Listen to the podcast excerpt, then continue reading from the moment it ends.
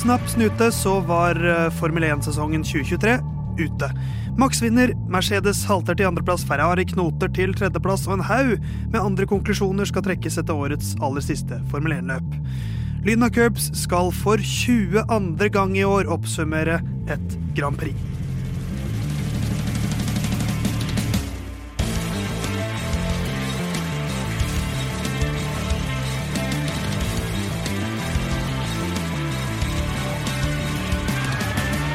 Ja ja, mensan, nå har Lyden av Curbs eh, for andre gang klart å følge en Formel 1-sesong fra start til slutt. Og det har holdt så vidt det er. Jeg sitter i hvert fall bak spak og klaff denne uka også. Theis heter jeg. Eh, Du kjenner meg kanskje som han som alltid er med i Lyden av Curbs. Det eneste faste medlemmet, for nå sitter jeg her med to eh, av våre også faste vikarer. Andreas, vi har hørt mye til deg i det siste, og vi slipper ikke unna i dag heller. Nei, dere prøvde jo for så vidt forrige uke også, men da kunne jeg ikke. Ja, ikke sant? Så det kunne jo vært eh, fire eller fem på rad. Jeg husker ikke hvor mange det er nå. jeg. Det har vært eh, mye Andreas i monitor, det er ikke feil det. Mens Ole, du er altså tilbake. Jeg er tilbake. Blei også spurt forrige uke. Kunne heller ikke da. Nei. Men nå kan jeg. Ja, uh, så det er Theis, og det er Ole, og det er Andreas. Ingen Herman, ingen Jon Halvdan. Um, Hvem, eh, hvem sa du ikke var her? Ing, ing, sa jeg ingen Andreas? Nei, nei, bare, altså, hvem er de to du snakker om? Jeg bare, Jon Halvdan og Herman eh, er ikke her. De er jo Du kjenner de kanskje som de originale medlemmene i Lyden av Curbs. Hvis du hører de første episodene. Ja, Der hører du mye av dem. Hør på fjorårssesongen, der var vi gode til å møte opp. Men eh, det er jo på en måte også en ærlig sak å, um, å være borte. Vi kan jo høre hvor ærlige guttene har vært med oss. Hvor er du, Jon Halvdan? Ja, borte igjen. Det blir en eh, tradisjon, det her. I dag er jeg eh, syk, så det er eh, nesten humanitære årsaker til at jeg ikke er der for ikke å smitte de andre, pluss at jeg føler meg helt elendig. Eh, men eh, det er nå så. Eh, I livet mitt eh, siden sist eh, så sa jeg jo at det gikk veldig dårlig på boligsalgsmarkedet. Nå går det veldig bra på boligsalgsmarkedet, for nå fikk vi solgt i går. Overtakst. Fornøyd med det. Så håper jeg, Det er jo dobbeltvikar i dag. Eh, Ole, Andreas eh, og Theis. Eh, og det kommer til å gå veldig fint. Dere er jo snart mer faste, meg og Herman. Så vi får passe oss litt, da. Vi får begynne med å si gratulerer med boligsalg. det kan jeg bare skyte inn her nå. At uh, først han er syk, det er jo greit, det. Men eh, det begynner å bli en trend der hvor jeg lærer ting om broderen i Lyden av Curbs. Som eh, Nå har vi kjøpt leilighet, og nå har vi solgt leilighet. Det lærer jeg her. Er det en, en typisk eh, gutteting at vi ikke er så gode til å liksom si sånne livshendelser når det skjer? Det kan være det. Det kan også være en uh, Halvorsen-ting, tror jeg. Har dere ikke sånn familiegruppe eller noe sånt som dere deler? liksom? Vi har det, og den på? har ikke gått varmt i dag. Så, eller i går, for den saks skyld. Så den er ikke oppdatert. Eh, Jeg må bare huske å spille av denne lyden som vi gjør hver gang noen er syke. i Curbs. Å, jeg har så vondt i halsen min og litt tett i nesa, jeg. Oh. Det Den er da signert Herman Borgstrøm. Eh, Hvor er du da, Herman? Hvor er Herman? Eh, den er tynn i dag, altså. Det er vel eh, Ja, det var ikke jeg som hosta, men eh, det er vel Curbs-historiens tynneste avslutning. Sniker seg inn på førsteplassen foran den til Jon Halvdan med 'var sliten og litt jetlagd etter lang reise'. Så jeg har ikke noe god unnskyldning annet enn at jeg har fått en uh, klasseerstatter i eh, Ole Røsvik. Og uh, Andreas har jo fylt inn for sin bror, så da har vi den beste Halvorsen i studio òg. Så det, jeg er ikke bekymra for at det her ikke blir bra, men har rett og slett ikke noe unnskyldning utover at jeg har sendt en bedre mann enn meg sjøl på, på det tidspunktet som er nå. Hvordan føles dette, Ole? Nei, Det er hyggelig å bli skrytet opp, selvfølgelig, men det kommer jo heller aldri, aldri noen grunn om hvorfor han er vekk. Nei, vi kan vel si at livet koker av og til, og det er greit, det. Eh, Ja. Man blir sjuk, og livet koker litt, men da er det fint at man har venner og kolleger å støtte seg på, eh, og det er, jeg er veldig glad for det. Ja. jeg, jeg skal innrømme at da det kom litt meldinger i går kveld, for dere, dere fikk ganske sen beskjed. Vi er som regel litt flinkere til å si, tidlig, si fra tidlig, men sykdom gjør at man ofte må ha litt kort varsel. Men da disse to meldingene kom i går kveld, da jeg ikke fikk sove helt i natt, så lå jeg og tenkte jeg, jeg kan jo dra en sending alene, jeg kan jo det. Ja. Men det er klart det blir jo litt rar, rar sending. Så jeg er veldig glad for at vi er eh, tre stykker i studio i dag. Um, Jeg kan jo bare si for min egen del at jeg har både øyelokkbetennelse og lyskestrekk. Men jeg sitter er den smittsom, den lyskestrekken? For det vil jeg ikke ha. den er veldig smittsom, men jeg sitter her likevel. Så jeg ofrer alt for curbs. Ja, det er bra. Um, Men går, går det bra med deg, Ole? Flid? Ja, ingen varig men her. Jeg er frisk og rask, jeg. Ja. så bra. Du er kald i trynet, Andreas, men ellers går det bra? Ja, det, ellers går det bra. Jeg liker også at du venta ikke på at vi skulle spørre hvordan det gikk med deg. Du introduserte Ja. det først. Ja, men nå, jeg, jeg, nå er det mest det at jeg har noen Altså, jeg har litt sånn kroppslige feil for tiden. Men jeg sitter her likevel. Det var mest for å liksom si til Jon og Herman se. Det er mulig å trosse lyskestrekk Jon hørtes jo fryktelig sjuk ut, da. Ja, men det, Han er Ja. god med lyd, så han har sikkert ja. uh, tweaka det, Det i post. Uh, men nå kan vi kremte og si at dette er en podkast og et radioprogram som handler om Formel 1. Ja. Uh, I dag skal vi prate mye om Abu Dhabis Grand Prix, årets 22. og siste løp. Eh, jeg vet ikke med dere, men jeg tror ikke det ble Taylor Swift og Fernando Alonso, dessverre. Det ser heller. ikke sånn ut, altså. Men det ble 22 løp, da, så det er en slags hyllest til eh, frøken Swift. Eh, men vi skal prate om det. Vi skal prate om Formel 2-sesongen, som er over. Vi skal gå gjennom litt sånn talking points i sesongen som helhet. Og så skal vi komme med noen gavetips. Hvis du der hjemme har en i livet ditt som er veldig glad i Formel 1, som du har lyst til å gi en julegave til, så skal du få noen tips her. Men før vi dundrer i gang med alt dette, så må vi selvsagt knytte tallet 83 opp mot Formel 1. Um, og i dag så har jeg gjort det litt enkelt. Uh, Christopher Arthur Amon. Han kjenner vi vel godt til. Ja, han har jeg lest mye om. Ja, ja, ja. Australsk Formel 1-fører. Kjørte mellom 1963 og 1976, også kjent som våre glansdager. Ja. Uh, 1967-sesongen, hans beste sesong eh, for Ferrari, da. eh, hadde totalt 11 podiumplasseringer i sin karriere. Og hvor mange poeng? 83 poeng i hans Formel 1-karriere. Egentlig greit. eh, skal vi prate litt om eh, Abu Dhabis Grand Prix, Andreas? Ja. Skal vi gjøre det, Ole? Nei. Nei, da er vi tre, da er vi to mot én, så da lar vi demokratiet vinne denne gangen også.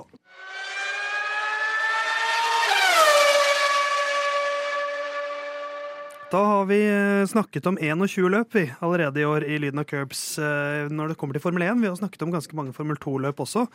Ehm, Og det 22. i Abu Dhabi er, er det vi skal gå gjennom nå. Vi kan ta en liten recap. Max Verstappen eh, best i alle kvalifiseringsdelene. Q1, Q2, Q3. Og tar pole position foran Leclerc, Piastri, Russell og Norris. Perez lusker nede på niendeplass, og Louis Hamilton ryker nok en gang i, i Q2 og er nummer 11 i kvaliken. Eh, Så kommer løpet. Eh, Charles Leclerc nok en gang så klarer han å utfordre litt ut fra start, men nok en gang så klarer Max Verstappen å holde ledelsen. Eh, De fleste startet på, med, på de samme dekktypene.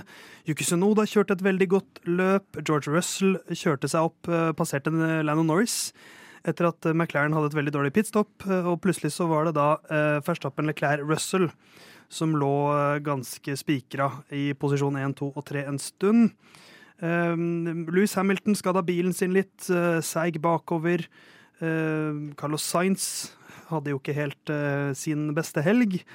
Og um, så ender det til slutt med nok en Max Verstappen-seier. Uh, spenninga til slutt der er jo rundt Sergio Perez, som uh, kjører inn i Landon Norris eh, inne på de siste ti-ish rundene. Kjører seg framover, passerer både George Russell og Charles Leclerc, fordi Leclerc slipper ham forbi, i et håp om at Perez, som da har en fem sekunders tidsstraff, skal klare å distansere George Russell nok da i kampen om denne andreplassen i konstruktørmesterskapet. Men det skjer ikke. Verstappen vinner løpet foran Leclerc, Russell og Perez. Norris, Piastri, Alonso, Sunoda, driver of the day. Hamilton og Stroll tar resten av poengene. Um, ja, eh, vi har en Halvorsen i studio, så da spør jeg deg, Andreas. Hvor mener du at dette løpet ble avgjort? Oi. Eh, det er gøy at du spør meg, for jeg har jo ikke sett løpet. Ja, det var det jeg tenkte du skulle få muligheten til å avsløre. Ja. Jeg, jeg jobba på søndag, og da jeg kom hjem så var det litt sånn Det er Jas Marina. Det pleier ikke å være veldig spennende. Nei. Og det, sånn, da, når jeg ser på resultatlista, så ser det ikke veldig spennende ut. Noen imponerende prestasjoner, men uh, ja, For, når, for, det, når det ble avgjort, kanskje i kvalifisering, da, siden Verstappen var først. for løpet ditt lø, Hadde du fått spoila hvem som vant? Eh, nei, Nei. faktisk ikke. Men jeg skal innrømme at jeg så, jeg så løpet i opptak, og jeg Det var deler jeg, jeg så løpet, men det var deler av løpet hvor jeg skippa hvor jeg liksom trykka på den ti sekunder fram-knappen et par ganger. Som de har på F1 TV. Fordi det var sånn Nå er det bare Altså 20 sekunder da, at du har gått glipp av. Det er ikke så mye. Nei, det er jo faktisk ikke det. Men du da, Ole? Hvor mener du løpet ble avgjort? Ja, etter runde Jeg vet ikke hva jeg sier. Etter eh, seks runder eller noe sånt. Verstappen sa i et intervju etter løpet at uh, han hadde ikke fått kjørt longrun på de treningene pga. to røde flagg. Ja. Så han, han pusha ikke bilen i starten. Så Leclerc pusha jo han første tre rundene eller noe sånt. Og så etter det så åpna jo gapet seg, og Ja. så var egentlig løpet avgjort da. For det er jo det, det er jo også et løp som preges av det, som du nevner der. Det, mm, eh, FP1 veldig preget av uh, rookie drivers. Eh, Ja. veldig mange som brukte den økta her. De måtte bruke det, for Ja. de skal jo ha tre som kjører i løpet av sesongen. Mens økt to ble veldig kort, så det ble jo Det er som du sier, det ble lite trening.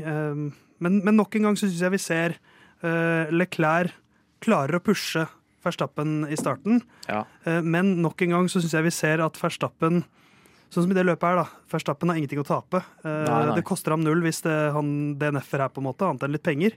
Og det har de nok av i Red Bull. Mens Leclerc har på en måte alt å tape her.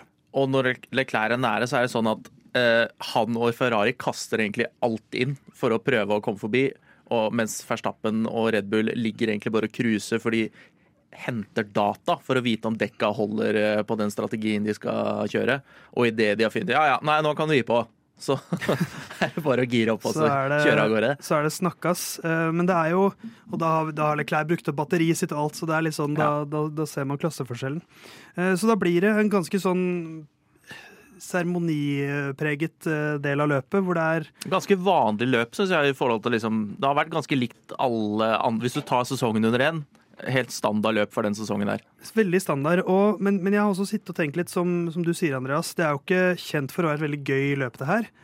Men jeg, jeg tror på en måte at Abu Dhabi for sin egen, eh, sitt eget renommé sin del har havna på en litt uheldig del av sesongen. For jeg, jeg tipper at hvis dette løpet hadde vært i april eller midt i sesongen, så hadde vi tenkt at helt OK løp. Ja, for det er ikke kjedelig bane i den forstand. Men nå hørte jeg noen løse rykter, det ble i hvert fall nevnt på Viaplay-sendinga, at eh, Las Vegas mulig skulle ta over som årets siste løp. Og Abu Dhabi har, de har, en veldig, de har to løp som har veldig lange kontrakter. Ja, Og så har de Eh. kan de kaste mye penger. Ja, så jeg, jeg, ser, jeg sliter litt med å se at Abu Dhabi skal ryke. Men, men det har noe for seg, det løpet her, Andreas? Eller, er det, men, eller blir det et stort antiklimaks Det eh, jo der for- det ligger i sesongen? Da vil jeg altså Las Vegas har jo mer for seg, for det var mye, altså mange flere forbikjøringer da, enn det man er vant til å se i Abu Dhabi, i hvert fall i Las Vegas forrige løp. Nå har jo jeg åpenbart ikke sett det løpet her, men eh, jeg tror ikke det var flust av forbikjøringer. Det var noen som kjørte forbi, altså Perez kjørte bra, men han har jo også den raskeste bilen. Da. Ja. Det, jeg føler det er altså det, det Perez har holdt på med i år, er jo litt det som jeg syns er gøy å gjøre på racingspill av og til. At jeg skrur ned vanskelighetsgraden, og så bevisst kvalifiserer jeg dårlig. Så Sånn du kan jeg, kjøre forbi. sånn at jeg kan bare lolle forbi. Men sånn, det, det, det er sånn som jeg syns er gøy å gjøre i Formel 1-spill av og til. Sette på lav vanskelighetsgrad og så si nå skal jeg vinne med fire pitstops. Uh, liksom, for da må jeg hente igjen så mye tid. Det er litt sånn Peres har holdt på. Bare at han har ikke vunnet så mye, da.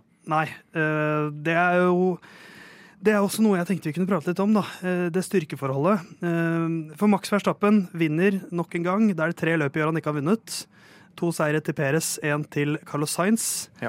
Eh, Han er da den eneste som vinner i år, som ikke kjører for Red Bull. Det var, like, det var litt godt, egentlig, at det i hvert fall blei én liten ja. sånn annen seier. En sånn clean sweep er blytung, men vår syke venn da, Og nå er spørsmålet hvem snakker han om nå? Er det Herman, eller er det Er det fysisk eller mentalt du refererer til? Akkurat nå er det fysisk, Ja, så Jon Halvdan har et, eh, en liten tanke rundt eh, Max Verstappen. Ja, da er jo sesongen eh, for noen endelig over. Jeg syns det er helt greit. Det er jo spennende om det blir litt mer spennende neste år. Eh, Så er det liksom vanskelig å unngå å snakke om Max Verstappen, da, fordi den Red Bull-bilen har vært veldig dominant. Men eh, så en eh, meme-stat som jeg sendte til iallfall Ole, at Verstappen har flere poeng og podier enn to ganger Peres. Så det har vært én klink suveren fører i den Red Bull-bilen. Så mitt spørsmål, som dere kanskje kan diskutere litt Hva holder dere høyest? Denne sesongen til Max Verstappen eller 21-sesongen til Max Verstappen? Da han vinner, kanskje ikke ukontroversielt, men iallfall eh, kjemper til døra på ukontroversielt, mer eller mindre vis, eh, i, mot Louis Hamilton. Ja, det, Seieren i år eh, jo, er det vil jeg si, svært få kontroverser knyttet til. Eh, Herman vil jo da at jeg skal trekke fram eh, Catering Gate. Så bare sånn at jeg for programforpliktet til å gjøre det. Herman, nå har jeg nevnt det. Eh, men Andreas, hva syns du? Eh, Hva tenker du instinktivt? Sånn 2021-sesongen hvor han klarer å um, få slutt på Mercedes-imperiet. De vinner konstruktørmesterskapet, men han vinner førermesterskapet. Eller den dominante prestasjonen i år hvor han vinner alle løpene bort fra tre. Altså, 2021-sesongen er også den sesongen som gjorde at eh, jøss, det her får jeg lyst til å se på. Det var jo utrolig spennende. Så det er jo han som lager den spenningen også, for er Mercedesen er jo, er jo best denne sesongen også, men Verstappen er bare såpass god at han klarer å lage spenning, og vinner da på Ja, ikke på favorittmåten til Herman, men eh, Nei, hva er best? Det er jo veldig imponerende det han fikk til 2021, men også er han jo helt sinnssykt dominerende i år, da. Så det var litt vanskelig å si. Jeg vet ikke hva du synes, Ole? Eh, Jeg syns i hvert fall at dette er sesongen til Adrian Newey, som er aerodynamisk ingeniør i Red Bull. For det, den bilen er så ekstrem i forhold til alle andre at eh, det er vel han som burde få med, egentlig mest kred, når du ser eh, resultatene. Ja, om noe så er det jo han som har bygget dette, denne raketten som har gitt uh, Ferstappen nå um, de, de, spesielt de to siste sesongene. da. Den, Du kan si at, så, så jeg er egentlig litt enig i at Men, jeg, men liksom eh, På prestasjoner syns jeg 2021 er kanskje den Uansett om du holder med Hamilton eller Verstappen eller noen andre, så er det den sesongen du kommer til å huske best pga. utfallet, pga. hvor spennende det var fra helg til helg. ja, jeg, Eh, så jeg holder den over.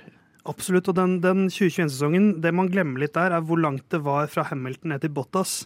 Eh, Så, altså Uten Verstappen så hadde den sesongen vært litt sånn som årets sesong har vært. Ja. Eh, For Peres var ganske langt bak igjen også. Det var, det var det, Der har du Men jeg føler med Bottas så var de nesten mer kyniske med å gi Ja, ja, plasser enn det Peres har ja, vært. Og det er et godt poeng at den sesongen blir jo litt mer sånn at det er en tydelig Hamilton-prioritering i, i Mercedes. Men, eh, men jeg vil si at eh, 2021-sesongen var Verstappens beste sesong. Mest imponerende, syns jeg. Mens årets sesong er Red Bulls mest imponerende sesong. Ja, jeg er enig. i det. Eh, For det er som du sier, at dette, det de har bygget i år, er jo virkelig konstruktørvinning.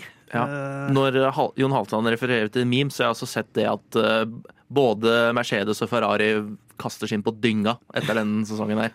Og det er, det er jo litt skremmende, som Hamilton også har sagt det er skremmende, at Red Bull sier de ikke har jobbet på årets bil siden august, liksom. Eh, Ja. Og de er fortsatt helt suverene. Men eh, samtidig, de er ikke helt suverene, for eh, som Jon også sier her, eh, Peres ganger to er fortsatt bak Verstappen. Og hvis Verstappen da etter sommerpausen Hvis vi stryker hans poeng, og da refordeler eh, seierspoeng osv., så, videre, så vinner han fortsatt med ett poeng ned til Peres. Eh, så, og da, så, så det sier litt om hvor suveren han har vært. Red Bull har bare én front row lockout i år, og det var årets første løp. Ja, det er ganske sjukt. Som er nesten Det er jo helt altså, Ja, Peres blir nummer to, Men, men, sier det liksom mest om Peres sine kjøreferdigheter, da? For den bilen er jo upåklagelig god, liksom, med det, med det DRS-verktøyet de har der. ja, det, det er nettopp det jeg tenkte uh, vi kunne se litt på. For uh, Sergio Perez er åpenbart god til å kjøre bil. De Ja første fire-fem løpene i år var han vanvittig bra. Uh, vant to ganger. Eh, en gang slo han eh, Verstappen på pace. Eh, men så går det åt skogen.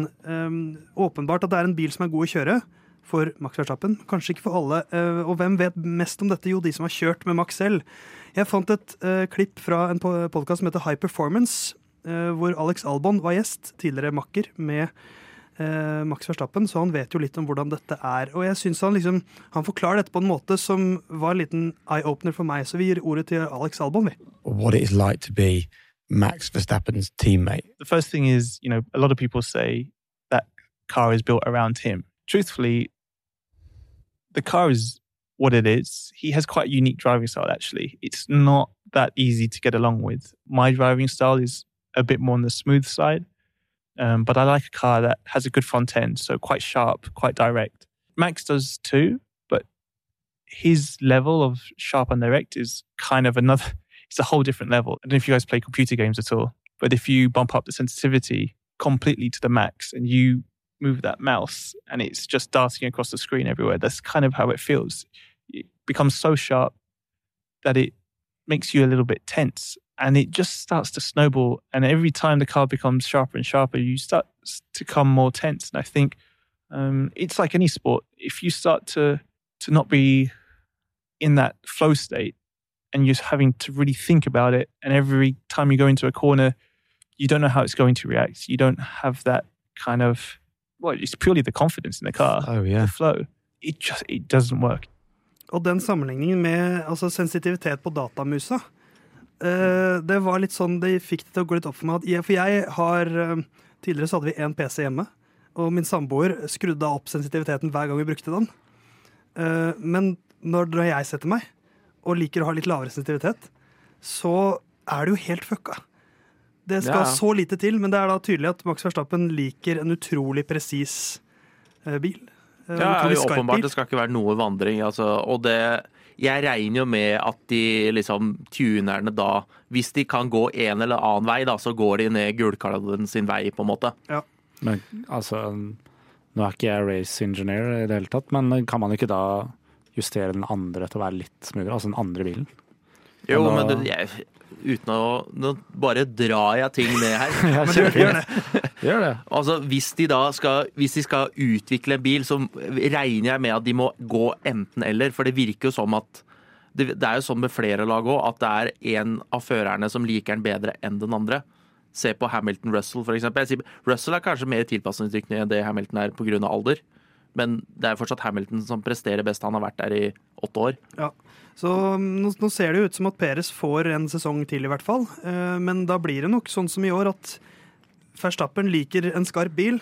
Det må du bare takle, fordi at her er det Verstappen som bestemmer. Ja. Og hvis du ikke takler det, så er det som eh, Albon sier her, da begynner du å bli usikker på deg selv, og du blir nærmest redd for å svinge, fordi at du vet at her må du være så presis at uh, du har null feilmargi- feilmargin. Ja. Men hvis du ser til en veldig obskur idrett, i hvert fall for verden, på verdensbasis, som er hopp, Ja. hvor folk uh, har liksom én eller to gode sesonger, og så er de helt ute av det. Der også går det jo på flyt og Ja. selvtillit. Og det, det, de bare mister det totalt. Det er som Ricardo og det. Mistet det har mista det totalt. Funnet litt flyten igjen nå, men blitt grusa av Sonoda de siste tre løpa. Den var røff. Vi skal prate mer om Sunoda, og spesielt kanskje kampen om andreplassen i konstruktørmesterskapet, som var der spenningen lå i Abu Dhabis Grand Prix om noen strakser.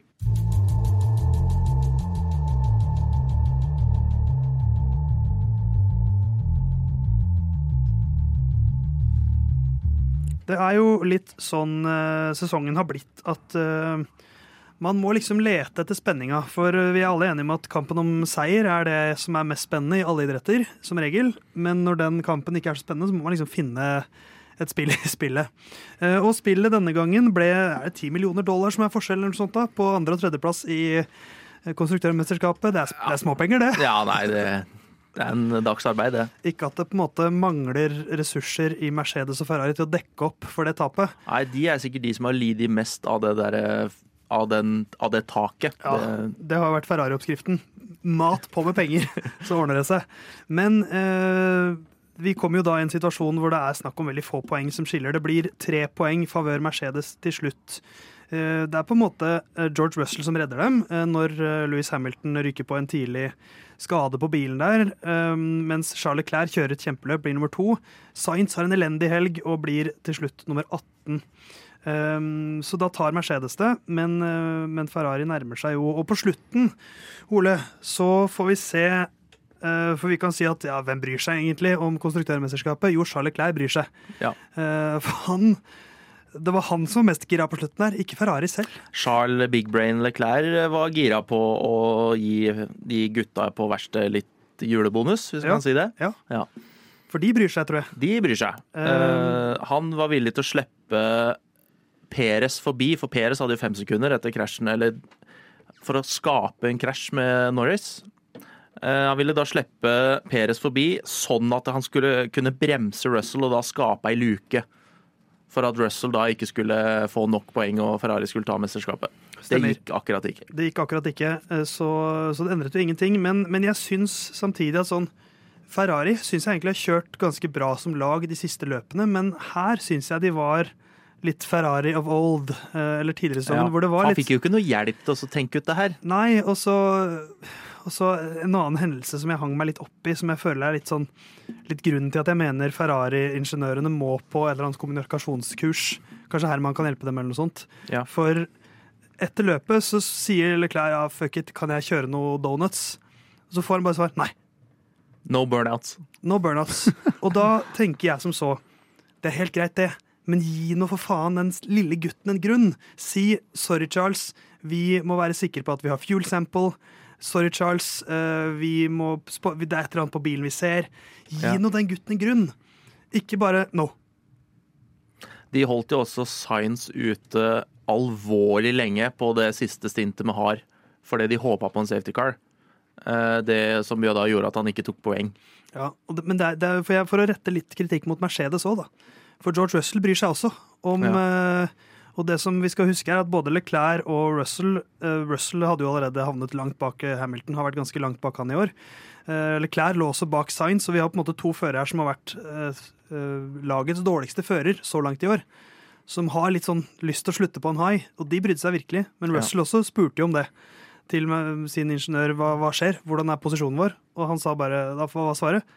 Ingen informasjon. Nei, nei, det er bare, vi må bare gjøre vårt beste. Ja. Og det, da får vi bare håpe at det beste er godt nok. Og da hyller jeg Russell som ga et sånn hva faen Hva slags svar er det? Men eh, er det to lag som lider av det at eh, ja, hvis vi ikke blir nummer én, så gir vi blankt i hvor vi havner, liksom? Tor Hushovd-uttalelsen. Ja. spu- spurte dere ikke for femteplasser. Nei, men eh, altså, det var stilig av Charlie Clair å altså, tenke såpass langt, men hvorfor ikke bare gå full Peres da, og bare blokkere Eller er ikke, det, må jo, det er åpenbart lov, siden Peres gjorde det. Det var så- lov i 2021 i hvert fall. Ja, så hvorfor Altså, gjorde han ikke det? Han kunne gjort det på slutten her og breia seg såpass, kunne han ikke Det det? fins jo partier på banen der hvor du glatt kan gi fra deg et sekund liksom, til Ja. Peres, uten at du kan bli passert, men det var vel noe Russell også sa i intervjuet, at han liksom han takket Leclerc for å ha vært fair. da. At han, eh, han for, for Russell trodde at nå, okay, nå skal han backe meg opp her, Men, det ser gjorde du ikke jo de første tre svingene av løpet òg, hvor jeg syns Leclerc er i en Verstappen-situasjon, men han bremser ikke Verstappen seint. Han gir plass på utsida, som da gjør at Verstappen kan ja, han, eh, Det som skjedde i Las Vegas, var jo at Verstappen bremsa altfor seint og dro med begge ut av banen. Det kunne, Noe à la det kunne skjedd nå, men det skjedde ikke. Han Ja. kjørte fair. Og jeg syns vi ser det igjen og igjen, også på starten i Austin i Texas, at eh, Leclerc får en veldig god start, er helt oppe på sida, mens Verstappen er den som pusher han hardest. Men Ja. eh, er, er Leclerc for snill, Andreas? Ja. Det har vi diskutert mange ganger, føler jeg. ja, men det holdt på å si, det er kanskje det er sånn det er å vokse opp med Johs Verstappen som far, at du blir litt sånn gæren. Og så, Ja, du blir herda, og så har du vokst opp i Monaco, og så er det sånn her, her, har vi det greit, Spiller liksom. Så piano, her, Han kunne, la, han kunne la skorpene ligge på, på Ja. tallerkenen da. Så han har hatt det fint. Så han er ikke sånn han har ikke er spisse albuene i svingene og Nei, sånn. Eh, Men eh, ja, det kan være derfor. Men eh, ja, han er jo altfor snill. Men da mens vi, vi, vi som sagt lette etter spenning til det løpet her, fordi første, andre og tredjeplass i eh, førermesterskapet var jo, var jo avgjort, og det er jo det vi bryr oss mest om. Ja. Fordi det er førerne dette handler om, det er det som er mest spennende. Konstruktørmesterskapet, førsteplassen var avgjort. Men da var det fortsatt kamp om fjerdeplassen da, i førermesterskapet, og der var det veldig jevnt. Fjerde, femte, sjette og sjuendeplass var veldig jevnt. Eh, Det som skjer til slutt, da, selvsagt, er at Fernando Alonso ender på toppen. Ja. Eh, På countback, fordi han har, han har flere tredjeplasser enn Charles Clair. Fordi han har like mange andreplasser. Det tror jeg sikkert han hadde regna med. Ja, ja. Men det, det må vi Han er også gæren nok til å tenke det. Den prestasjonen der, Andreas, i den Aston Martin-bilen, som jo er den bilen som har tatt det største bykset siden i fjor, selv om andre del av sesongen var litt anonym, Alonso på fjerdeplass. Det lukter litt svidd av det. Det er jo ingenting annet enn imponerende. Av eh, hvor gammel er han? 83 år? 1004. Ja, altså det, Ja, det er rundt 10 000, tror jeg. Men eh, nei, det er jo kjempeimponerende. Og det er liksom, hvis du ser hvor Lance Stroll er, så er han jo langt ned på lista. Så eh, ja, han har gjort det største draget i den bilen der. Og han, de eldste er eldst. Og eh, Leclerc da, bikker seg over Sainz eh, etter et håpløst siste løp av Sainz her. Ja, det var deilig, altså. Å For få liksom er en, trøkt eh, den i trynet på dere her i Curbs, egentlig. At, vi er jo eh, Sainz-klubben. Dere er Sainz-folk. Jeg eh, snakker jo Leclerc sin sak. Syns jo han er den beste av de to. Ja. Både på pace og strategi. Formel 1 handler om å vinne. Hvem av de to har vunnet et løp i år? Leclerc. Carlos, Carlos, Carlos. Nei, men jeg, jeg, altså, jeg betviler ikke talentet til Charles Leclerc, men har han huet? Til å Nei bli mester. men det er ikke så mange som har det, åpenbart. Nei. Og så glemmer vi det hele at Landon Norris er ett dårlig pitstop unna å bli nummer fire. For han er ett poeng bak uh, Alonso. Ja, de hadde Mercedes-stopp, faktisk, i pit Ja. der. Sånn skilpaddevariant. Uh, og det var ikke et sånn superstopp av Mercedes heller, men det var nok til at uh, Som alltid med Mercedes, middelmådig stopp, men det var godt nok til at de kom seg forbi. Um, før vi går videre, så må vi nevne Frans Tost, som har Ja. ledet Alfa Tauri-laget, som det heter i dag, Toro Rosso tidligere, i 18 år. Eh, og så sa du noe fornuftig før sending her, Ole. En god observasjon, for han er 67 år gammel og gir seg. Ja, Han er pensjonist. Han, kommer, han er vel en av, en av de teamsjefene som gir seg fordi han er for gammel. Han har ikke liksom blitt, fått sparken, da. Nei. Som er den vanlige måten å avslutte, avslutte jobben som eh, teamsjef. Det er som regel det i det gamet her, så vi får si, eh, si en slags eh, takk til, eh, til en mann som har betydd ganske mye for ganske mange. Altså, Han har jo fostra opp mange av de raskeste førerne de siste 20 åra, eller 18 åra, da. ja, altså Fettel, eh, Verstappen, Sainz har vært eh, innom der. Ricardo, Gasly, Ja. Albon. Eh, Kvyat prater vi ikke så, hø så høyt om lenger, men han var høyt eh, sett på, han også før. De har jo løpseiere, alle de du har nevnt til nå, hvert fall, og Ja. to av de er verdensmestere. Og, eh, så, så jeg tror det er mange som Frans Tost har betydd, mye for. To seire har det Toro Rosso-laget Alfa Tauri i dag da, tatt under hans ledelse. Sebastian Fettel og Pierre Gasly. Så takk for laget til Frans Tost. Så skal vi se hvem som stikker av med seieren i Lyden av Curbs sin prestisjetunge tippekonkurranse.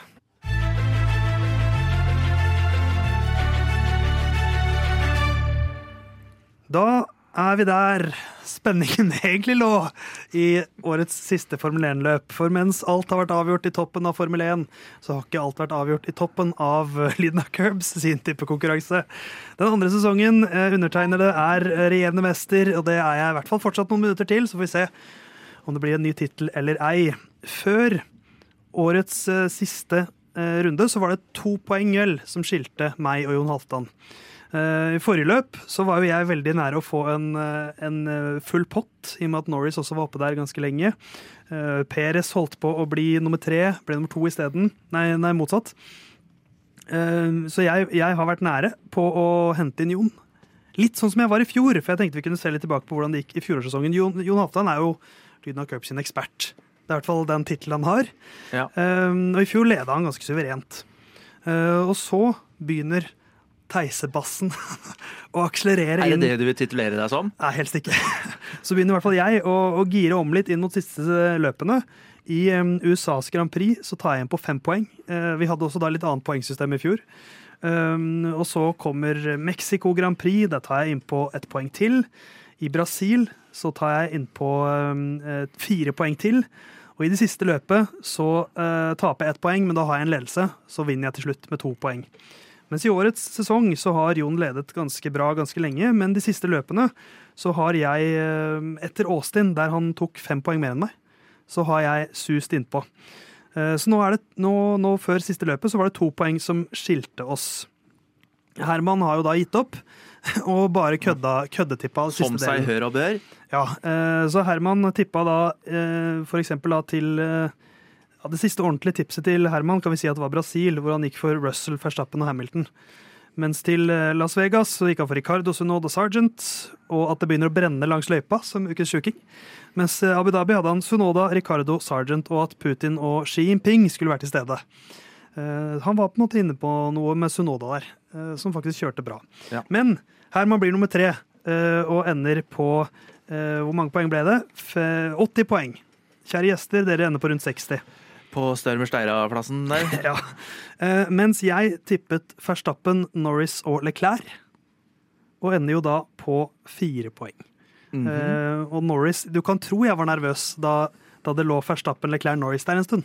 Da tenkte jeg herregud, dette tar jeg jo. Eh, men, men Jon får da Verstappen på toppen. Per- Perez og Norris hadde han. Så jeg var også ganske nervøs da jeg så Perez begynte å, liste seg inn i eh, medaljekampen, for å si det sånn. Men det blir til slutt fire poeng til meg, tre poeng til Jon. Som vil si at før vi deler ut eh, det ene poenget for ukens sjuking, så er det ett poeng som skiller. Jeg har 95, Jon har 96. Um, og da har jeg to gjester i studio, som er det som gjør det litt unikt. At det er på en måte dere som har makta her. For jeg kan jo ikke bestemme dette. Det er ikke fair.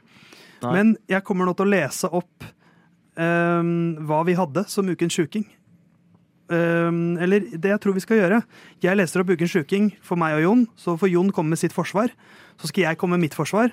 Og så er det opp til Ole og Andreas hvem som får det siste poenget. Og blir det likt, så blir det likt. Da er det to vinnere. Eh, eh, Jon Halvdan hadde Ferrari 1-2, McLaren, McLaren 3-4 og Red Bull 5-6 etter kvalik hvor Perez er foran Verstappen. Mens jeg hadde kun nordiske førere tar raskeste runde i Formel 1 og Formel 2. Så skal jeg komme tilbake til min, men vi gir, jordet, vi gir ordet til Jon Halvdan. Ja, tipping. Det er jo eh, ett poeng nå som skiller eh, meg og Theis. Um, så er det jo da Forsvaret her eh, som skal avgjøre om eh, hvem som får det poenget. Det er jo klart det er jo litt urovekkende da at Theis sitter med to han kan eh, påvirke da, i hvilken retning eh, som de skal stemme. Eh, nå har jeg ikke sjekka eh, raskeste runde i Fia, Formel, eh, fiaformula2.com, som det heter.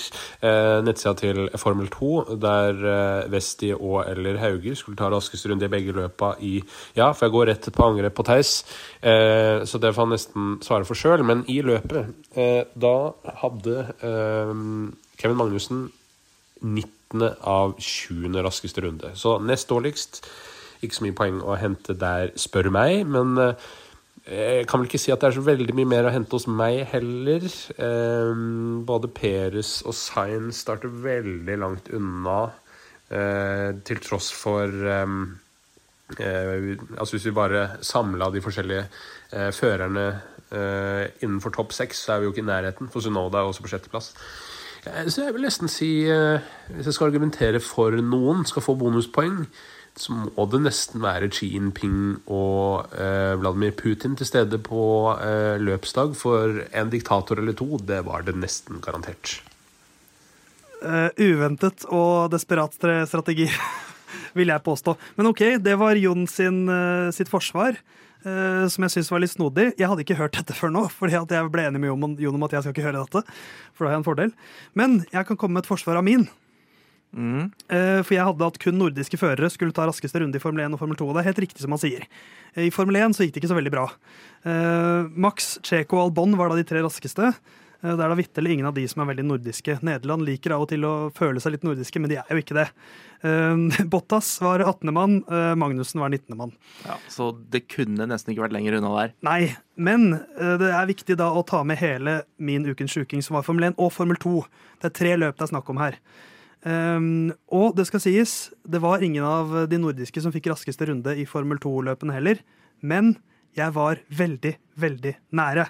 I sprintløpet Victor Martins var raskest. Fredrik Westi, danske, nordisk, nest raskest. Og det var uh, ca. ett tidel som skilte. Uh, Featureløpet, Victor Martins raskest igjen, foran Arthur Leclerc. Westi tredje raskest. Også da utrolig nære å ta raskeste runde. Um, så jeg vil si jeg er noen tideler unna å ha to av tre på ukens sjuking. Men han var jo også, bare for å strø litt salt, eller snakke med min kollega her, at eh, Westi var vel også den lavest hengende frukten eh, før, hvis de som hørte forrige ukes episode. Han eh, kom jo på andreplass i F2, er den raskeste føreren der. Men- så at han skulle ta raskeste runde, det var jo ikke veldig sjukt. Men så ser vi at det som ofte skjer her, da, er jo at uh, de som kjører for løpseiere, ikke så ofte tar raskeste runde. Men, men, jeg jeg vil bare si min, mitt siste forsvar, som er at uh, vanskelighetsgraden på min her er også mye høyere enn Jon sin, for han brukte jo ca. hele sitt klipp for å bare snakke ned uh, min. Så skal jeg gjøre litt for å snakke ned hans også, som er at å si Ferrari, McLaren og Red Bull, at de er liksom topp seks i kvalik um, Vanskelighetsgraden der ganske mye lavere enn eh, det jeg prøvde meg på. Så jeg mener jeg skal ha poenget, eh, men det er ikke jeg som er jury. Vi har hentet inn en slags folkejury her. Ja. Eh, For å snakke om, dere vanskelig, for å snakke om vanskelighetsgrad, da, så er det ikke Jeg kan ikke huske å ha sett at det er liksom de seks øverste er først altså, er delt opp i hvert sitt lag Nei. noen gang. Altså så lenge jeg har fulgt Formel 1. Det er jo så, så klart bare i to år, men Er det Halvorsen Gene som slår inn her nå, som du skal forsvare? eh, Nei, egentlig ikke. Det var ikke derfor. Jeg bare ser på lista for kvalifisering også. Da er det liksom Red Bull, Ferrari, McLaren, Mercedes, McLaren, Alfa Tauri. Det er topp seks. Ja. Han er jo ikke i nærheten. Nei. Det er ingen av de som er nære, syns jeg. Og det er tre utfall her, og to av de så ender Jon som uh, mester. Jon ender som mester i alle tre. Ja, Ja, det gjør det faktisk. Det er delt førsteplass gjelder eh, Ja. Det eneste som taler litt for Theis som raskest runde, er jo at eh, ja, men nå er Fredrik Wester rask, da, men han vinner jo også sprintløpet. ja, det er sant. Så nei, det er vanskelig, ass. Det er, Legg merke til hvordan jeg eh, holder meg i skinnet nå. jeg, har Jeg har ikke sagt jo, noe. jeg har jo dømt ned både Theis og Jon Halvdan eh, de gangene jeg sitter her. og Det har jeg gjort òg, hver gang. Så, men det er ikke noe Er det noe gøy å gi den til Herman, da? Nei, det er ikke det. Nei. Han har jo ikke vært der uansett, så. nei. Uh, vi kan, eh, jeg kan være tilbøyelig til å gi den til Theis, fordi han er faktisk nærmere enn Jon. Men eh, det er jo bare fordi utfallet da blir at begge vinner. Så det blir en slags sånn Ole Brumm-variant. Og Wester ble også nummer tre i, Det i i future-løpet, ja. i featureløpet. Hva lander, der, hva lander juryen på? Juryformann Ole Røsvik, hva, hva Eh, lander juryen på? vi heller mot at du er nærmest Isolert sett så er din sjuking nærmest denne uka her. Derfor får du poenget. Vi er ikke som Fia, vi er ute etter rettferdighet. Og det viser seg at rettferdigheten seirer. Det er to vinnere i Linda Curbs sin tippekonkurranse i 2023. Eh, Jon Halvdan Halvorsen med 96 poeng, Theis Magelsen med 96 poeng. Vi har ikke noe countback, for vi har ikke noen regler for det. Kanskje må vi ha det neste år. Eh, Herman Borgstrøm får 80 poeng. Eh, Herman sendte meg også en slags tippevariant her.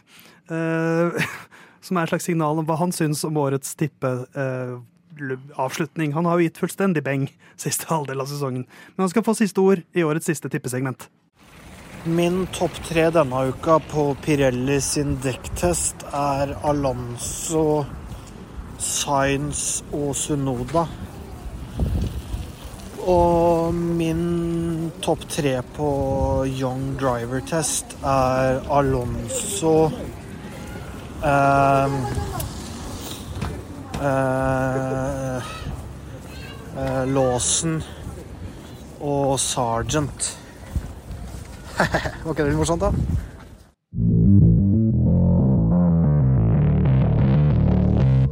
Vi er jo allerede så smått i gang. Eh, eh, Formel 2 de har surret rundt i hele år, eh, og så hadde de veldig tung vårsesong. Og så kommer en lang lang pause etter Monza, og så er plutselig er de i gang igjen i Jazz Marina.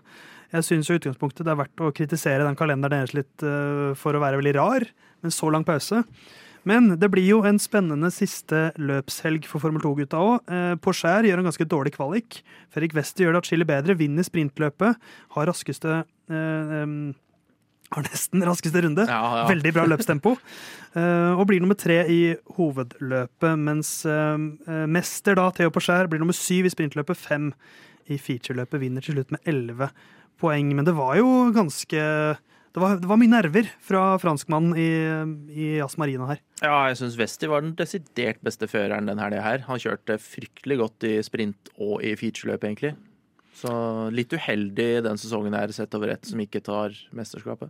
Så er jo spørsmålet Jeg husker første løpet i Bahrain, det featureløpet til Theo Porcher. Han var helt vanvittig rask. Ja. Kjørte for alt og alle, og vi tenkte herregud, han kommer til å vinne alt denne sesongen. Har ikke vunnet et løp siden. Eh, Men han vinner jo mesterskapet til slutt her, da. Så Andreas, eh, på andreplass har en Fredrik Westi med eh, fem løpsseire.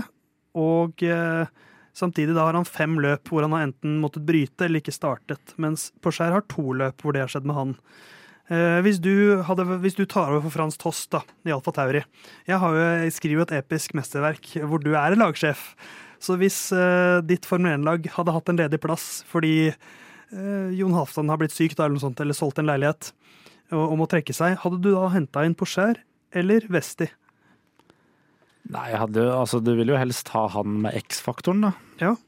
Og det virker jo til å være Fredrik Westi, selv om, eh, selv om han ikke vinner sammenlagt.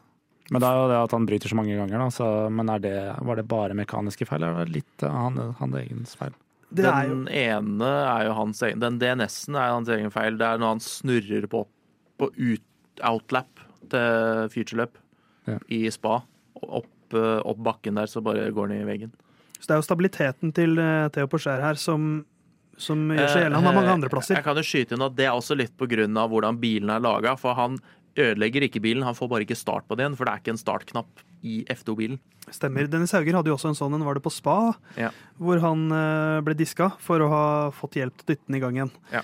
Men Eh, er det noe gøy å vinne løp nummer én, og så være nummer fire hele sesongen, Ja. og så vinne sammenlagt? For han har en del andre- og tredjeplasser, men det er liksom det er veldig mye topp ti på Theo Porcher. Og det er jo sånn man bygger et mesterskap, men samtidig så vil jo jeg som, som teamsjef for et uh, Formel 1-lag og sett på liksom hvilke talenter kommer opp nå. Uh, Alonso blir ikke noe yngre, vi trenger en erstatter etter hvert. Uh, og så ser du liksom Porcher, ja han vinner, men det var tredje sesongen hans, han vinner ett løp. Eh, Vil er, det liksom, er det liksom han som kommer til å bli Formel 1-fører en gang? Nei, men Vil du ikke si at det er enklere å gjøre en fører mer stabil enn å gjøre han veldig mye raskere?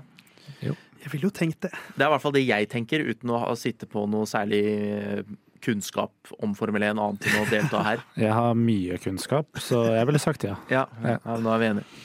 Men eh, det blir jo Porcher, Westi og Jack Dewan som vinner, så, eller som er nummer 1, 2 og 3. Så følger Ivasa, Martins, Bearman Behrman og Fittipaldi. Så Denis Auger, det norske talentet, som er nummer 8. Eh, Siste løpshelgen så blir han da nummer 4 og nummer 7. Etter en kvalik hvor det liksom eh, var ganske bra kvalik, egentlig. Eh, to tideler var han fra P3. Så det Ja, var liksom det det, det er små helt sånn vanlig Dennis-kvalik, egentlig. Eller en god Dennis-kvalik, da. Han hender jo han er litt verre enn det Ja. der. Jeg, sy- jeg syns det er en av hans bedre kvaliker. Generelt så var helga ganske god, syns jeg. Ja, eh, men, men samtidig så ser jeg starten av både sprint og featureløpet som jeg føler er litt sånn typisk for han i år, hvor uh, han egentlig starter ganske bra, prøver seg på en del ting de første svingene, men liksom alle forsøkene går ikke helt hans vei. Eh, I featureløpet så var det en ganske sånn stor brawl i, i starten, det var det i sprintløpet også, Ja, mellom alle Red Bull-juniorene ja, omtrent. hvor jeg føler liksom at han kommer litt sånn dårlig ut av alle situasjonene. Ja, han har jo hatt noen skremmeskudd de siste to sesongene har, hvor han liksom har endt med svarteper. da, Hvor han har liksom ikke fått fullført løpet eller krasja eller blitt skyvd ut og sånne type ting. Så det kan jo hende at han er noe mer reservert i de duellene der bare av det. Ja, Men eh, til slutt så blir han da nummer åtte i eh, førermesterskapet, eh, mot da tiendeplass i eh, fjor. Får to poeng mindre, men det var da to løp mer i, i fjor, så liksom poengsnittet hans er høyere i år. Så to steg opp, bedre poengsnitt. Eh, to seire, samme som i fjor. Eh, det er jo ikke helt det kvantespranget jeg håper på. Nei, men det kan hende det kommer neste år. Boucher kjørte jo sin tredje sesong i Formel 2 i år. Så det er muligheter der. Men om han kjører Formel 1, det er en annen sak. Ja, det er jo eh, det store spørsmålet. Eh, Porcher ble jo da nummer to i fjor, da. Ja. Så han var jo liksom Han var nære der. Han var mer på sporet av ting. Men hva, hva tenker du om fremtiden til Dennis? Nå er han jo ute av Red Bull-systemet. Blir eh, MP-fører neste år. Eh, finere bil, spør du meg. Men eh, det er jo Er det make it or break it? Det blir jo på en måte det for Formel 1-karrieren hans, men som racingfører så tror jeg Altså, det er mange dører her. Ja, men få av disse bilene som har dører, så kanskje han skal begynne å kjøre en bilserie hvor de har dører på bilene. Ja. Og ikke bare sånn hvor de hopper oppi.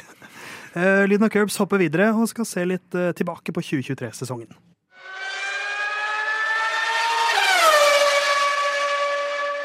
Årets sesong er over, eh, og i det siste løpet så fullfører eh, alle biler. Eh, Og det er et lite sånn symptom i Formel 1-sporten. Jeg har funnet litt statistikk. Eh, Hvis vi blar litt bakover i historiebøkene, eh, ser vi f.eks.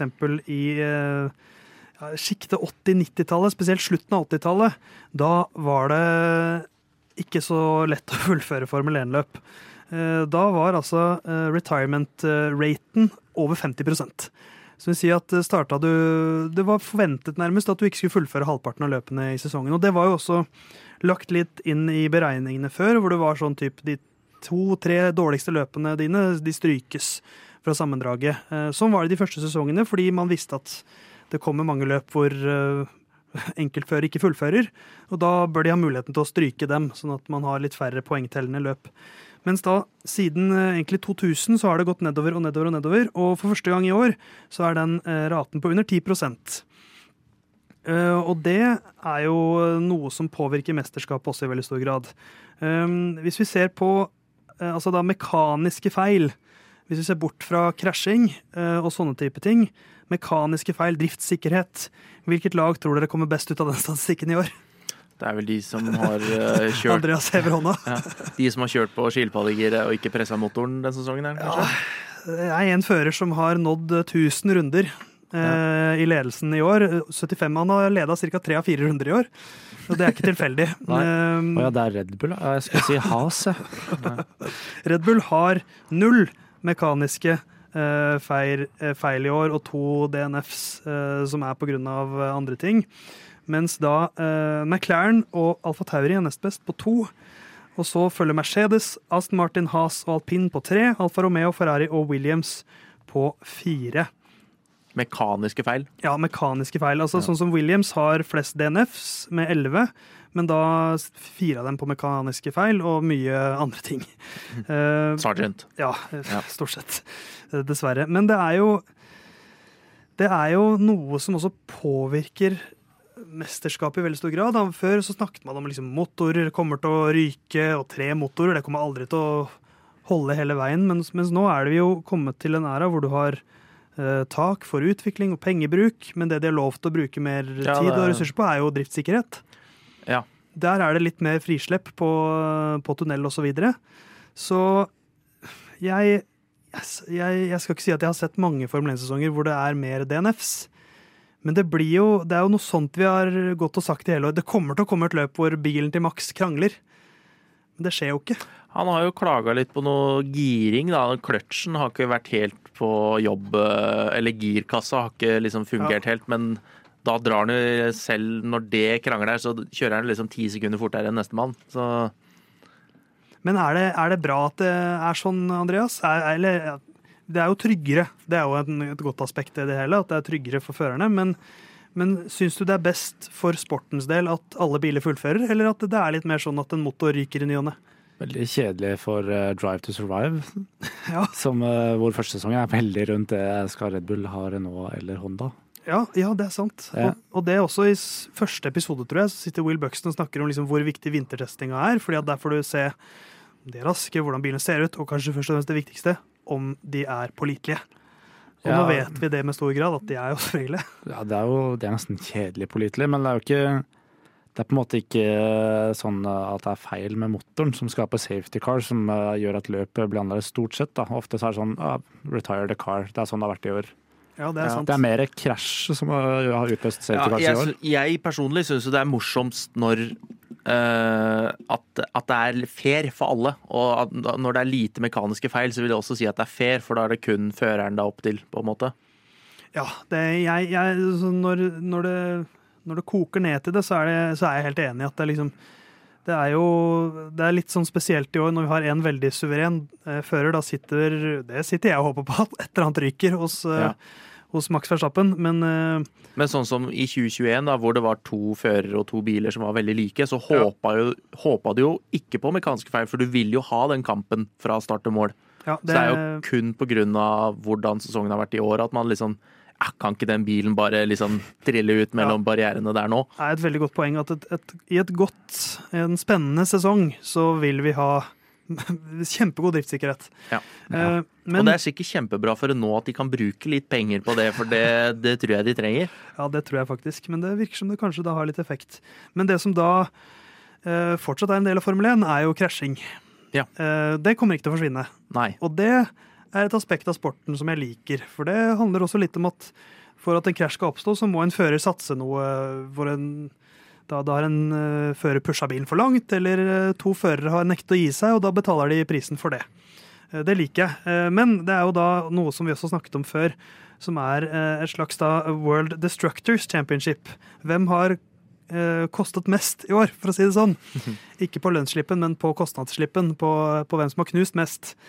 Og det er jo litt ja, det, det, det er litt vondt å si at det er Logan Sergeant som kommer på en måte er dyrest i år.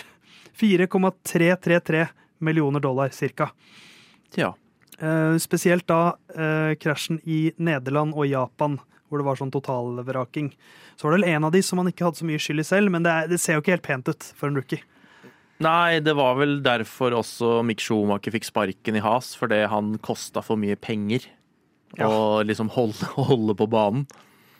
Og det er Williams som uh, topper statistikken for lagene med ca. 7 millioner. Albon kommer ikke så godt ut av det, han heller. Han er vel nummer fem, eller noe? Ja, eh, så det er Sargent, og så er det Carlos Sainz, som har en ganske elendig avslutning de to siste løpene. Så har det da blitt to millioner ekstra.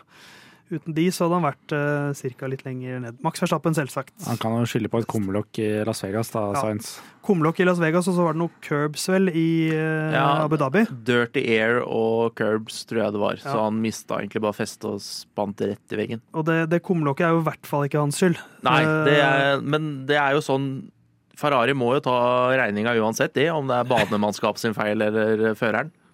Helt riktig. Eh, Verstappen er jo da den som kommer best ut av det. 345 000 i eh, skade. eh, som er sånn små Det er en vinge, det. ja, Noen dents her og der. Eh, George Russell, Bottas og Alonso så Hamilton. Det er mye rutine eh, og mye talent i, i de gutta der. Eh, Mercedes, da det laget som kommer best ut av det. Som jeg føler er litt typisk i, i denne sesongen her. Selv når de bygger en drittbil, som de sier selv, så går den ganske fint, og så blir det nummer De har jo fått den traktoren på andreplass i konstruktørmesterskapet, da, så de må jo ha holdt seg på banen. Ja, så eh, får vi si, har vi noen favoritter? Skal vi, skal vi tro at uh, vår venn Sargent kommer seg ned fra jumboplassen neste år? Jeg tror ikke det. altså. Hvis han får fortsette å kjøre i Williams, så kommer han nok til å være høyt opp på Destructor neste år òg. Jeg personlig syns jo det er fint med de som er litt sånn Han kan kjøre ut når som helst. Så- Her kan det skapes ja. Her kan det bli safety car når som helst, fordi han kjører Det er viktig at vi har et par sånne i feltet som kan skape en safety car. Eh, Noen må ha Latifi-rollen. og I, I år så var det dessverre Det kan jo ikke være lenge til vi får en fører fra Midtøsten som er betalt inn, som er ordentlig ræva bak rattet. Verdensrekord i safety cars. Det kommer kanskje om noen år, eh, men før den tid så skal det feires jul. Og vi skal komme med noen tips til de som kanskje vil gi en eh, Formel 1-relatert julegave.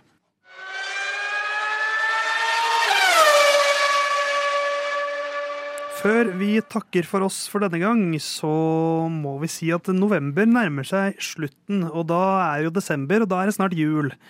Eh, hvordan går det med gavehandlingen for tiden, Andreas? Er du i rute til eh, den 24.? Jeg har jo da ikke kjøpt en eneste gave. Så i rute, med andre ord. Ja, det vil jeg si. Helt eh, der jeg skal være. Ja. Enn du, Ole? Jeg har heller ikke kjøpt en gave, men vi er i sånn planleggingsfase av en sånn stor eh, skal jeg si, samla fellesgave. Ja, Så det, det gjør jo jobben mye enklere, på en måte. Det er så deilig med sånne felles prosjekter. Ja. Men det er også deilig med folk som kan hjelpe deg med kreative ting du kan kjøpe til din, dine kjære. Hvis du som hører på denne podkasten kjenner en som eh, er glad i Formel 1, eller hvis du har lyst til å ønske deg noe Formel 1-relatert selv. For jeg sliter ofte litt med det når mamma og pappa spør Theis, hva ønsker du deg til jul. Nei, si det. Så kanskje noe av det vi skal nevne nå, kan stå på din ønskeliste. Eh, Formel 1-relaterte gaver. Eh, har du noe, eh, Ole, som en Formel 1-fan kan ønske seg? Ja, det er sånn der, Det er julegenser, for eksempel. Det hadde vært litt gøy. Ja, jeg tok en sånn faktisk. kjapp kikk på utvalget av FN-relaterte julegensere her, men det var ingen som hadde en sånn Gunther Steiner-genser med 'He doesn't fox smash my door'. Det syns jeg hadde vært gøy. men det var veldig mange kule julegensere her der, så det, det er et alternativ. Ellers er jo Merch-kongen Herman er jo ikke her i dag, men han ville sikkert promotert noe Aston Martin eller Alfa Tauri-type caps eller T-skjorter. Kjøp et sånn uh, kryssting-kunstverk av Lawrence Stroll eller noe sånt i julefa julefarger. Med det der skjegget han har anlagt nå. Lawrence Stroll som julenisse.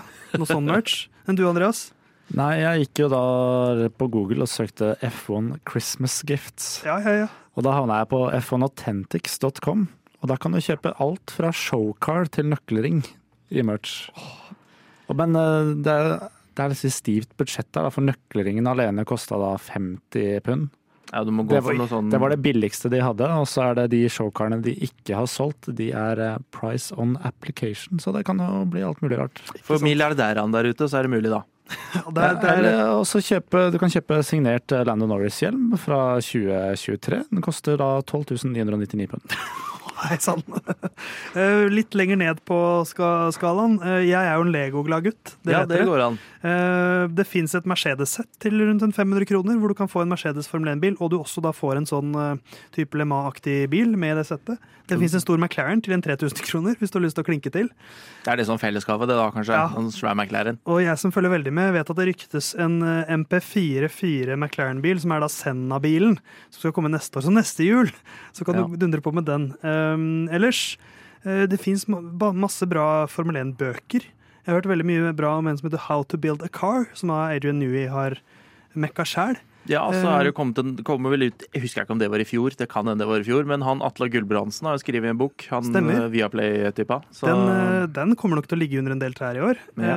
Uh, og så har jeg også prøvd å tenke litt mer sånn uh, på andre litt sånn kreative gaver. På cameo.com så kan du, hvis du betaler eh, ja, 854 kroner, så kan du få en personlig videohilsen fra Romain Grosjean. Hæ? Ja. Kan du det? Eh, hvis du betaler 1281 kroner, så kan du få fra Stoffel van Dorn, tidligere Formel 1-fører han også. Jeg er kul her med. Eller uh, Karen Shandok, som er Formel 1-kommentator. Så, så det er også mulig å faktisk få for en tusenlapp. Så kan du få en videohilsen fra Romain Grosjean. Ja, det er jo opp til vurdering, faktisk. Det, hvis du skal ha en ekstra billig gave, så kan du jo se den nye serien på Disney Pluss. Brawn. Ja. The Impossible uh, Formula One Story. Så Da, liksom en billig gave. Se Ja. den sammen med meg. Men faktisk serietips. Det er ikke, det er ikke noen dumme gaver, det. Braun, ja, det var bra, Ja. Men jeg har, jeg har det som jeg selv mener er mitt beste tips, er rett og slett bare å gå inn på etsy.com og søk på Formula One. For Etsy, kjenner dere til Etsy? Nei, forklar. Det er en, eh, en nettside hvor folk som er flinke til å lage ting, kan selge ting. Eh, Altså håndverk Ja, altså, det er rett og slett folk som lager Det er noen veldig kule sånne treskjæringer, hvor folk da freser ut eh, modeller av eh, Formel 1-baner, som bare liksom omrisset av det. Eh, Bare gå inn på etsy.com og søk på Formula One. Eh, Der får du alle prisklasser. Eh, Masse kult du kan kjøpe til dine Formel 1-venner, eller kanskje til deg selv også. Så da tar du bare og så spør du sånn Hvilken bane eller hvilken fører liker du best i Formel 1 til den da du skal gi gaven til? En lite sånn Bare for å gi deg sjøl et lite tips, og så plukker du da ut fra Etsy. Det er akkurat det du gjør. Ja. Så um, Kamuflert spørsmål. Ja, men sånn, det, det er vi gode på i Norge i desember og november. Men det var det, tror jeg. Uh, har dere fått en ny ting på deres ønskeliste nå, eller? Ja, vi har sånn julegenser. Ja, jeg har lyst på julehilsen fra Romager og Shai. Ja, The Man Who Walked Through Fire. ja. Enn du, Andreas? Blir det å se en serie sammen med deg? Ja, det, det tror jeg. Det er Eller- min prisklasse, i hvert fall. Eller at Jon Skal du se en serie deg? sammen med deg sjøl? Eh, ja, det hørtes jo veldig ensomt ut. Men ja. eh, kanskje, kanskje, kanskje han ringer meg en eller annen dag og forteller at han har solgt leiligheten. Vi får se. Da vet du det, Jon. Eh, Jeg må si tusen, tusen takk til både Ole og til Andreas for nok et strålende vikariat. Eh, Lyden av Curbs er ferdig for i dag, men eh, det kommer mer Lyden av Curbs i år. Eh, hva det blir og i hvilket format, det er vi ikke helt sikre på ennå. Det skal vi prate om de neste dagene. Men følg oss på Instagram og på TikTok. Lyden av Curbs heter vi der. Så får du info du trenger om det som kommer resten av året. Uh, takk for 2023-sesongen. Uh, av Curbs kommer tilbake neste uke i et eller annet format. Eh, noen siste ord, Andreas? Jeg vil jo takke deg da, Theis, for en eh, bra oppmøte og kjempejobb som programleder. Jeg tror jeg har vært der hver uke denne sesongen. Ha det, Theis. Ha det, Ole. Og ha det til deg der hjemme. Vi høres om en uke.